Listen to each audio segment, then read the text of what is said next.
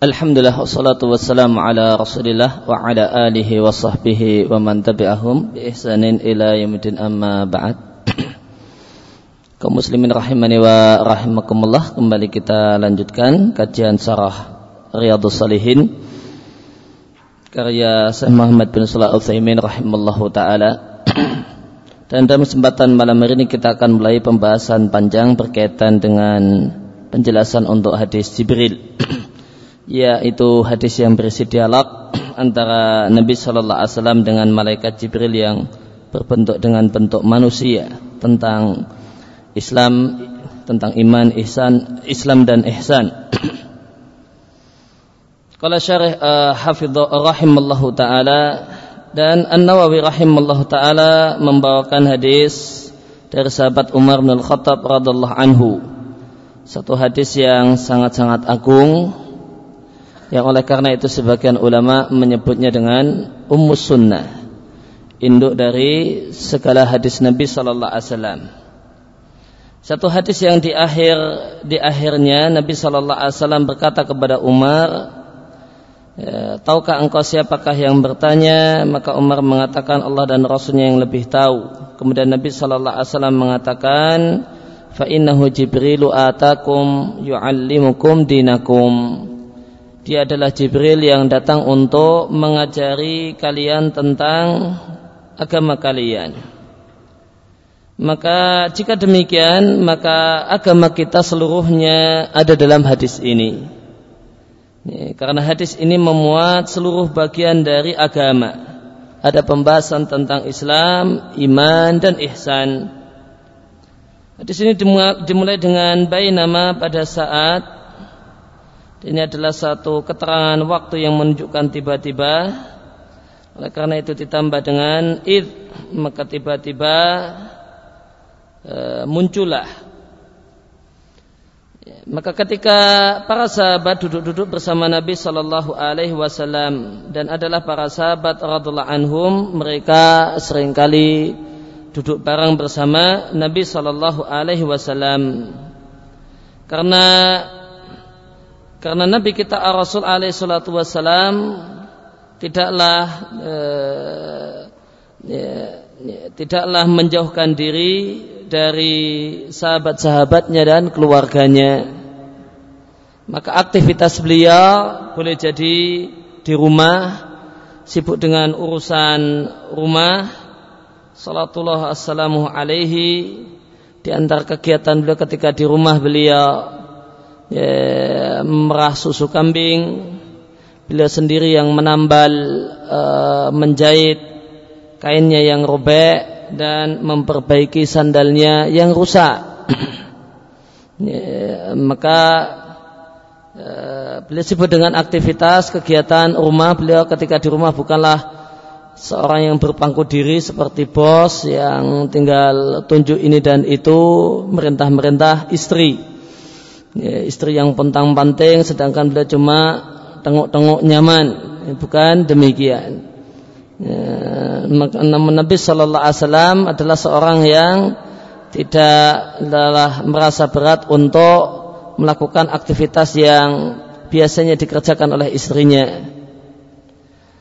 Dan boleh jadi kalau tidak di rumah maka beliau bersama dengan para sahabatnya di masjid atau beliau pergi menjenguk orang sakit, kemudian mengunjungi kerabat atau aktivitas-aktivitas yang lain, ya, yaitu aktivitas yang yang jelas ya, tidaklah waktu beliau berlalu meskipun sekejap mata kecuali dalam ketaatan kepada Allah alaihi salatu wassalam. Maka beliau adalah seorang yang ya, pelit dengan waktunya. Beliau adalah seorang yang menjaga waktunya tidak sebagaimana semisal kita yang sering kali membuang-buang waktu. Dan satu hal yang unik, satu hal yang aneh namun nyata, anna aghla syai'in dal insan wa waktu wa wa akhasu syai'in dal insan. Ya, bahasanya hal yang paling mahal dalam diri seorang manusia adalah umurnya dan waktunya. Namun realitanya waktu yang paling mahal tersebut diperlakukan sebagai sesuatu yang paling murah. Sesuatu yang paling gampang disia-siakan. satu hal yang paling mudah untuk dia biar, dibiarkan berlalu tanpa manfaat. Satu hal yang unik, realita anehnya mon nyata. Yang paling mahal namun diperlakukan seakan-akan sesuatu yang sangat-sangat tidak berharga. Dan di antara hal yang menunjukkan betapa pentingnya waktu adalah firman Allah di surat Al-Mu'minun ayat yang ke-99 eh, dan 100 hatta idza jaa ahaduhumul maut qala rabbirji'uni sampai jika salah satu mereka dijemput oleh kematian maka mereka berdoa dan memohon kepada Allah dan ini adalah permohonan yang sia-sia. Ya Allah kembalikanlah aku ke dunia la'alli a'malu salihan fi taraktu. Apa yang ingin dilakukan ketika bisa kembali ke dunia? Aku akan melakukan amal soleh di waktu-waktu yang telah kusia-siakan. Ya, maka aku akan beramal soleh sehingga tidak ada waktu yang terbuang-buang pada diriku. Maka lihatlah ucapan manusia ketika menyesali ya, menyesali diri ketika tidak bisa memanfaatkan waktu dengan baik ketika hidup di dunia. Dia ingin kembali ke dunia untuk bisa memanfaatkan waktu dalam taat. Maka ya, penyesalan manusia ini manusia tidak mengatakan saya kembalikan aku di dunia supaya aku bisa bersenang-senang dengan hartaku, bersenang-senang dengan istri atau bersenang-senang dengan kendaraan, bersenang menikmati istana dan rumah mewah yang dibuat namun manusia yang menyesal ini mengatakan ya, supaya aku bisa melakukan amal soleh yang telah kutinggalkan. Maka de, banyak orang berlalu waktu badannya dan dia tidak mendapatkan faedah dari waktu tersebut. Padahal waktu adalah sesuatu yang paling mahal yang ada pada diri seseorang. Namun menurut kita saat ini sering kali kita sikapi sebagai sesuatu yang paling murah. Buktinya berlalulah waktu yang tidak sedikit tanpa ada faedah. Ya, bahkan kita berlalu banyak waktu dalam hal-hal yang membahayakan diri kita sendiri. Dan di sini kami tidak me menceritakan tentang kasus person tertentu, namun menceritakan demikianlah keadaan umumnya kaum muslimin. Maka umumnya kaum muslimin pada hari ini ma'al asafis sadid dengan sangat disayangkan habis waktunya dalam sahwin walahwin wa ghaflatin. Habis waktunya dalam hal-hal yang melalaikan, hal-hal yang uh, melupakan dari ketaatan, melupakan dari akhirat, melupakan dari agama yang intinya adalah ghaflatin kelalaian dari uh, mengingat Allah Subhanahu wa taala. Ya, maka umumnya kaum muslimin bukanlah orang-orang yang serius dalam mengamalkan ajaran agamanya. Ya, mayoritas mereka dalam kelalaian tidak mengingat Allah Subhanahu wa taala dalam kemewahan. Yang dipikirkan adalah bagaimanakah sesuatu yang memanjakan badan meskipun itu harus merusak agama. Maka Rasul alaihi salatu wasalam beliau adalah orang yang selalu ya, mengisi waktunya dalam hal yang manfaat boleh jadi untuk kepentingan pribadinya ataupun untuk kepentingan banyak orang. Maka pada saat para sahabat duduk bersama Nabi Shallallahu Alaihi Wasallam, tiba-tiba muncullah seorang yang sangat putih pakaiannya, sangat hitam rambut kepalanya, dan tidaklah nampak badannya tanda-tanda orang yang baru saja bepergian namun tidak ada satupun dari kami yang mengenalnya. Artinya itu satu hal yang sangat aneh. Maka dia bukalah musafir ya, sehingga bisa kita katakan dia adalah orang asing. Ya, maka kalau dia musafir tentu ada tanda-tandanya. Tentu pakaiannya tidak akan putih bersih. Namun uh, walayu namun tidak tidak juga ada satupun dari kami yang mengenalnya sehingga bisa kita sehingga bisa dikatakan bahasanya dia adalah penduduk Madinah. Maka para sahabat heran dengan kehadiran orang ini. Kemudian orang yang datang ke majelis ilmu yang ke majelisnya Nabi Shallallahu Alaihi Wasallam dalam keadaan bersih ini, dia adalah seorang yang sangat putih pakaiannya dan sangat hitam rambut kepalanya. Artinya dia adalah syabun. Dia adalah seorang pemuda. Tidak ada padanya tanda-tanda habis bepergian. Karena musafir terutama di zaman itu rambutnya acak-acakan dan bajunya berdebu. Karena mereka menempuh perjalanan dengan naik onta atau jalan kaki dan tanah yang dilewati tidaklah beraspal. Ya, semuanya isinya adalah debu. Ya. Lakin hadza la alai atharus safar. Namun orang ini tidak terlihat padanya tanda bepergian dan tidak namun tidak ada satupun dari kami yang mengenalnya fawa gharibun laisa bigharibin maka dia adalah uh, orang yang asing eh, namun uh, dia bukan orang yang asing dia orang yang asing karena tidak ada satupun yang kenal. Kalau penduduk Madinah tentu kenal. Namun realitanya dia adalah orang yang asing. Hmm. bajunya demikian bersih berarti dia bukan orang asing. Namun realitanya dia orang asing. Akhirnya datanglah uh, orang tersebut kemudian datang dan duduk di dekat Nabi Shallallahu Alaihi Wasallam. Dan orang tersebut nanti sebagaimana di akhir hadis diceritakan kalau dia adalah Jibril alaihi salatu wasalam salah satu malaikat yang besar. Bal huwa afdalul malaikati fi mana'lamu bahkan Jibril adalah malaikat yang paling utama berdasarkan dalil-dalil yang kita ketahui. Karena mulianya tugasnya Jibril karena dia bertugas untuk membawa wahyu dari Allah Subhanahu wa taala kepada para rasul alaihi wassalam maka dia tentu adalah malaikat yang agung. Ya, namun uh, ini tugas pokok Jibril namun bukan berarti satu-satunya tugasnya Jibril. Kemudian kita katakan setelah Nabi akhir zaman meninggal dunia maka dia pensiun dan bebas tugas dari semua uh, aktivitas.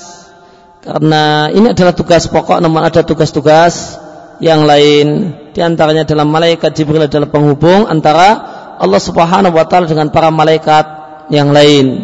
Jika Allah Subhanahu wa taala hendak menyampaikan sesuatu, maka yang pertama kali mendengarnya adalah Jibril dan Jibril lah yang menyampaikannya kepada yang lain. Terkait dengan Jibril maka Jibril ini pernah Nabi lihat dalam rupanya yang asli sebanyak dua kali. Sekali di bumi dan sekali di langit. Sekali di bumi yaitu ketika di Gua Hira Nabi melihat Jibril dalam keadaan dan terlihat bahasa Jibril memiliki 600 sayap. Qad sadal ufuqa kulal ufuqi. Yang sayap-sayap Jibril ini menutupi ufuk menutupi dunia ya, di hadapan Rasul alaihi salatu wassalam artinya la sama'a min fauq Nabi tidak bisa melihat langit ketika Nabi tengadahkan tidak terlihat bintang tidak terlihat gelap seluruhnya. Karena malaikat ini sayapnya menutupi ufuk. Dan dia memiliki 600 sayap. Dan para malaikat itu bersayap sebagaimana yang Allah firmankan di surat Fatir ayat yang pertama ketika Allah ceritakan tentang ciri fisik malaikat Allah katakan ja'ilil malaikati rusula. Allah jadikan para malaikat sebagai utusan. Uli ajnihatin dan mereka adalah makhluk yang bersayap.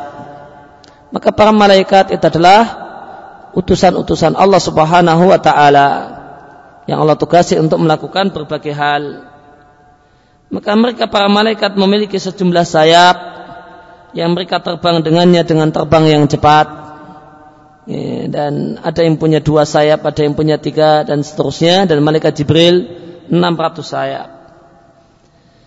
Sedangkan kali yang kedua Nabi melihat Jibril di Sidratul Muntaha sebagaimana Allah ceritakan di surat An-Najm in huwa ila wahyu yuha tidaklah apa yang Nabi sampaikan kecuali wahyu allamahu syadidul quwa yang wahyu tersebut diajarkan oleh malaikat Jibril.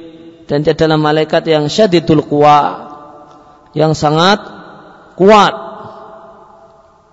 Di antara hal yang menunjukkan kalau dia adalah sangat kuat disebutkan para para ulama tafsir. Bahasanya ketika Allah menghukum kaum Nabi Lut ya, maka bumi mereka dijebol dan dibawa sampai ke mendung dan ini dilakukan oleh Jibril cukup dengan satu sayapnya. Ya, dan ini dilakukan oleh Jibril cukup dengan satu sayapnya.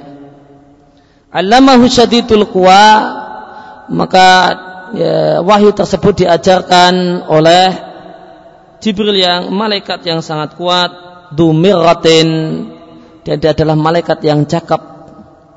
Dan dia adalah wajahnya adalah wajah yang ganteng dumiratin fastawa dan dia tegak berdiri. Wa wa a'la.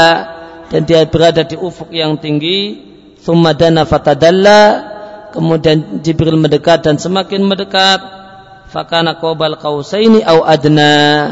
Maka jarak antara Jibril dengan Muhammad sallallahu alaihi wasallam ketika itu cuma dua busur dan busur boleh jadi paling-paling dua meter ya. Satu busur atau kurang cuma jarak dua busur ya berarti cuma empat meter. Au adna atau bahkan lebih dekat lagi. Hada fil arti inilah yang Allah ceritakan tentang kejadian dinukkan di surat An-Najm ayat 4 sampai 9 dan ayat di atas menceritakan kejadian di muka bumi di bumi ketika Jibril e, mendekat dari arah atas dia mendekat kepada Nabi fatadalla sehingga dia semakin dekat yaitu dekat dengan Muhammad sallallahu alaihi wasallam kemudian menyampaikan wahyu kepada e, Nabi kita Rasul alaihi salatu wasallam wahyu yang Allah perintahkan yang Allah bebankan kepada Jibril supaya menyampaikannya kepada Nabi. Adapun uh, pertemuan atau kejadian yang kedua Allah ceritakan di lanjutannya surat An-Najm ayat yang tepatnya ayat yang ke-13 dan 14. Maka Allah katakan walaqad ra'ahu nazlatan ukhra. Dan Muhammad pernah melihat Jibril itu dalam bentuknya yang asli dalam kesempatan yang lain ingda sidratil muntaha. Di langit di satu tempat di satu dekat pohon pohonnya pohon sider ya uh, muntaha. Sider uh, sidratul muntaha itu uh, nama pohon bukan nama tempat. Sidratin artinya pohon sider satu jenis pohon muntaha dan dia adalah artinya akhir atau puncak karena itulah air dan puncak ya, Eh, pengetahuan manusia, pengetahuan makhluk dan akhir puncak posisi makhluk e, paling banter cuma bisa berada sampai di situ saja, tidak bisa lebih dari tempat itu. Maka disebut muntaha yang artinya puncak atau akhir. Dan puncak atau akhir tersebut adalah ya, ditandai dengan pohon. Pohonnya adalah pohon sider yang daunnya besar-besar kata Nabi dalam hadis Isra Mi'raj ya, daunnya sebesar kuping-kuping gajah. Ya, daunnya sebesar kuping-kuping gajah. Nggak tahu batangnya seberapa kalau daunnya sedemikian lebarnya. Fahada Jibril maka itulah Jibril. ya, yang punya tentu punya rupa asli akan tapi Allah jadikan malaikat punya kemampuan untuk yatasyakal untuk berubah bentuk ya, berbentuk dengan bukan bentuknya yang asli. Maka di sini dalam hadis ini Jibril datang dalam rupa seseorang yang asing. Namun yang paling sering Jibril itu datang dengan meminjam wajah salah satu sahabat yang bernama Dihyah Al-Kalbi. Ini, itu yang paling sering ketika Jibril datang dengan rupa manusia, ya, maka ada satu sahabat Nabi yang paling sering dipinjam wajahnya. Ya, sehingga orang mengira kalau dia al-kalbi padahal uh, dia adalah Jibril. Namun dalam hadis ini ya, dalam hadis Jibril ini eh, Jibril tidak datang dengan kebiasaannya mem meminjam wajahnya dia al-kalbi namun dengan wajah yang lain yang asing yang tidak pernah dikenal oleh para sahabat. hatta hatta jalasa ila Nabi sallallahu alaihi wasallam sampai akhirnya Jibril uh, duduk di dekat Nabi sallallahu alaihi wasallam. Ya, dan dia demikian dekat dengan Nabi dia sandarkan uh, lututnya kepada lutut Nabi. Artinya Jibril menyandarkan dua lututnya pada dua lutut Nabi sallallahu alaihi wasallam maka Nabi ketika itu duduknya duduk bersimpuh menduduki uh, bagian dalam telapak uh, bagian dalam telapak kakinya. Ya, maka kemudian Jibril pun demikian dan lutut bertemu dengan lutut. Wa kafaihi ila fakhidai dan Jibril meletakkan dua telapak tangannya pada dua pahanya. Di sini saya Ibnu mengatakan Qolal ulama, para ulama mengatakan Jibril meletakkan dua telapak tangannya pada dua pahanya sendiri, bukan pada dua paha Nabi Shallallahu Alaihi Wasallam. Ya, wadhalika tersebut adalah bentuk etika yang sempurna dalam duduknya seorang pelajar di depan gurunya. Ya, dengan dia duduk dengan penuh uh, dengan penuh kesopanan, dan duduk yang menunjukkan kalau dia siap untuk menyimak apa yang akan disampaikan, siap untuk mendengar dan memperhatikan apa yang akan disampaikan. Nah, demikian dikatakan dan demikian yang kemarin kita sampaikan, namun uh, terdapat riat yang lain yang menegaskan kalau Jibril itu meletakkan pahanya pada paha Nabi. Sebagaimana dalam riwayat Nasai.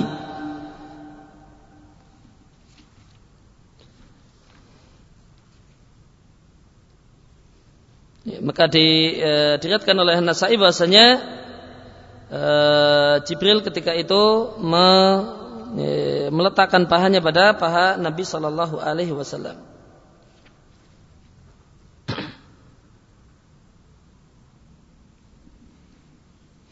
Disebutkan di ini di Sarah Arba'in karya Salim Al Hilali Al Afnan An Nadiyah yang disebutkan ya, tentang hadis ini. Ay wada'a hadza rajul kafaihi ala fakhidai Rasulillah sallallahu alaihi wasallam. Artinya orang tersebut sosok itu meletakkan dua telapak tangannya pada paha Nabi sallallahu alaihi wasallam kama ja'a sarihan.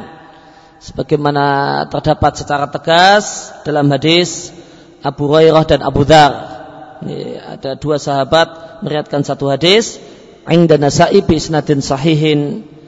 Ya ada dalam Sunan Nasa'i dengan sanad yang sahih di sana dikatakan wa fihi hatta wada'a yadahu ala rukbatai Rasulullah sallallahu alaihi wasallam. Sampai orang tersebut meletakkan tangannya pada dua lutut Rasulullah sallallahu alaihi wasallam. Hmm.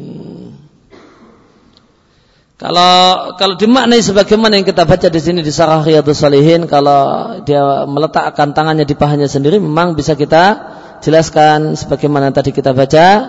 Ini adalah duduk yang adab, yang sopan. Nah, namun wallahu a'lam kalau dengan riwayat Nasai yang mengatakan kalau uh, Jibril meletakkan tangannya di lututnya Nabi. Ini jadi kalau di sana redaksinya di lututnya Nabi, tidak di pahanya Nabi. Mungkin kalau pahanya betul-betul tidak tidak sopan ya, kurang ajar ya. Kalau lutut Nabi ya dimungkinkan itu semacam bersentuhan. Mungkin bisa kita maknai demikian. Maknanya tidak betul-betul uh, menyentuh. Namun ya pahanya atau tangannya Jibril bersentuhan dengan lututnya Nabi Shallallahu Alaihi Wasallam. Maka dalam kedatangan Jibril di majelis ini kita jumpai adab-adab uh, penuntut ilmu. Maka hendaknya penuntut ilmu datang di majelis taklim, di majelis ilmu dalam keadaan ya, bersih. Ya, oleh karena itu Jibril datang dengan pakaian yang putih bersih. Ya, dan hendaknya datang dalam keadaan uh, rapi, ya, rapi dan bersih sebagaimana Jibril datang uh, dalam keadaan ya, rambutnya nampak hitam. Artinya seperti orang yang berhias dan berdandan boleh jadi pakai uh, minyak rambut sehingga nampak hitamnya demikian hitam. Maka di antara adab ya, orang yang hadir di majelis ilmu adalah ya, datang dengan bersih dengan rapi ya, tidak uh, bau nah, atau kemudian lutu atau nah, tampilan yang uh, tidak menyenangkan bikin orang sepet memandangnya nah. Bukan demikian namun rapi bersih ini ada penuntut ilmu. Demikian juga uh, Jibril mencari tempat yang dekat dengan pembicara. E, maka dengan maka Jibril mendekati Nabi Shallallahu Alaihi Wasallam maka di sini terdapat adab mencari tempat yang terdekat dengan uh, pemateri supaya kita lebih jelas. Ini kalau misalnya mic-nya mati, ya, kita pun masih tetap bisa menikmati ya, lain dengan yang berada di belakang. Kemudian duduknya adalah duduk yang sopan ya, di antara uh, adab di majelis ilmu, duduknya adalah duduk yang sopan. Di sini Jibril mencontohkan duduk bersimpuh, menekuk lutut, Ya, ini adalah bentuk duduk yang sopan dan ini uh, dan di Jawa itu satu duduk yang sopan adalah duduk simpuh. Duduk bernekuk lutut itu dianggap sebagai dinilai duduk orang yang betul-betul uh, sopan dalam duduknya.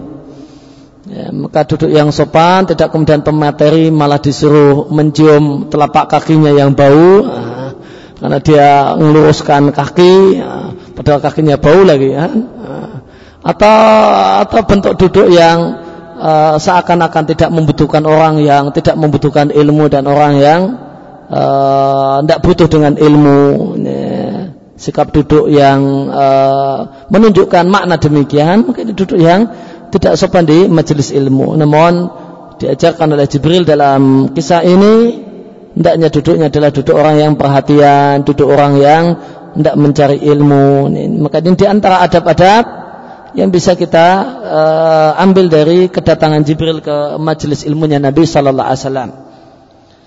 Kemudian setelah dia duduk dengan duduk semacam itu, Femakal Jibril kemudian mengatakan, wahai Muhammad kabarkan kepadaku tentang Islam.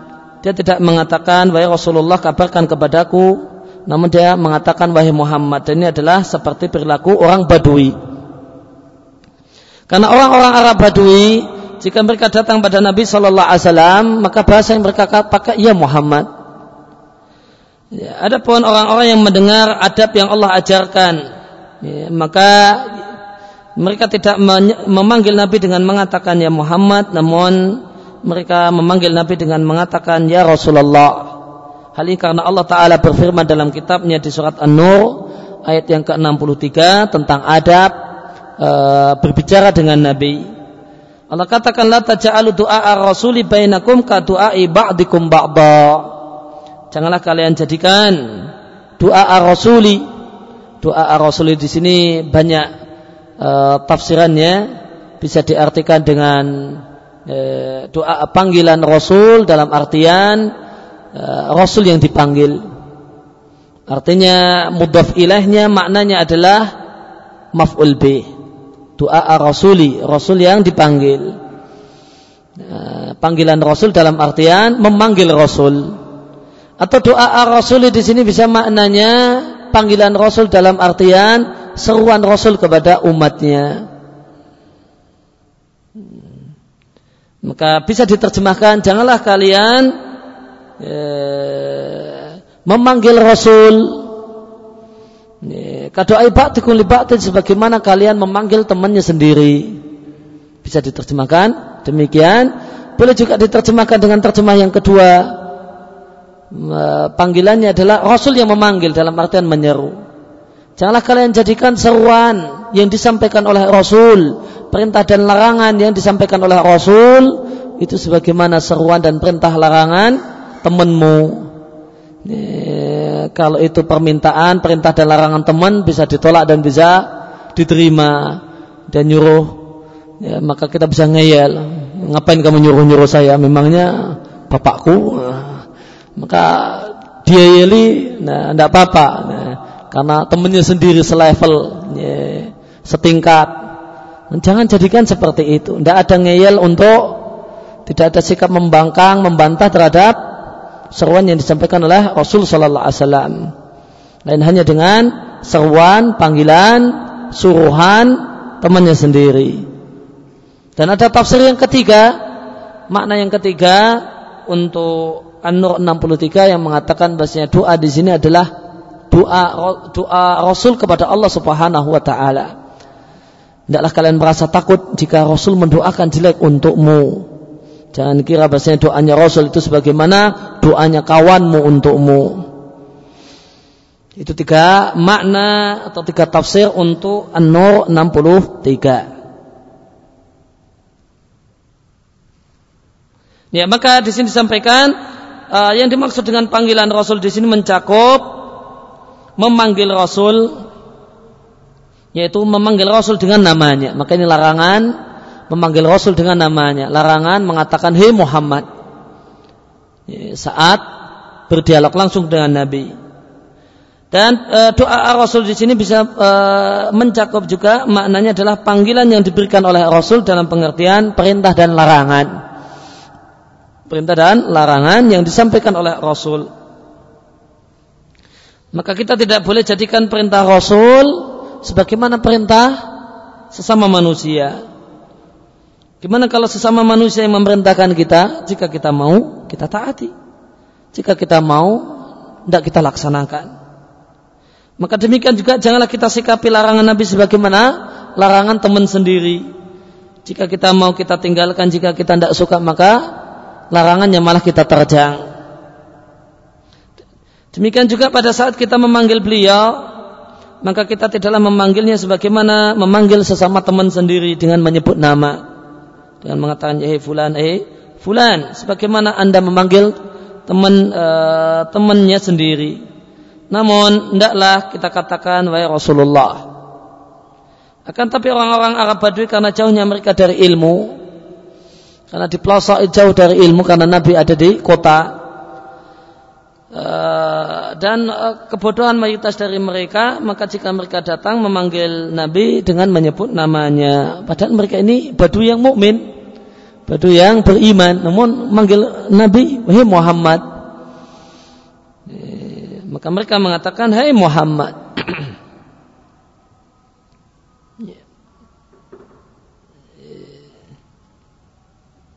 Ya maka uh, ya memang sejak sejak masa silam ya, ilmu itu ada di kota. Ya, pelosok jauh dari ilmu. Ya, maka sejak zaman Nabi ya, itu orang yang pelosok, orang yang tinggal di perkampungan Badui, ilmu kurang tersebar di sana. Ya, karena kurangnya ilmu, ya, kurangnya pengarahan, dan berdampak dengan kurangnya etika. Ya, Maka mereka kemudian sering kali kasar, kasar omongannya, kasar ucapannya, kasar tindakannya. Mereka minta sesuatu dengan Nabi. Pernah satu ketika sampai dengan e, narik selendangnya Nabi, ridaknya Nabi sampai berbekas merah di lehernya Nabi. Ini, cuma mau minta duit. Nah, mau Nabi berikan kepadaku harta yang Allah berikan kepadamu. Nah, namun luar biasanya Nabi meskipun merah, merah leher beliau karena ditarik kencang dan kasar. Nabi cuma senyum. Satu hal yang luar biasa.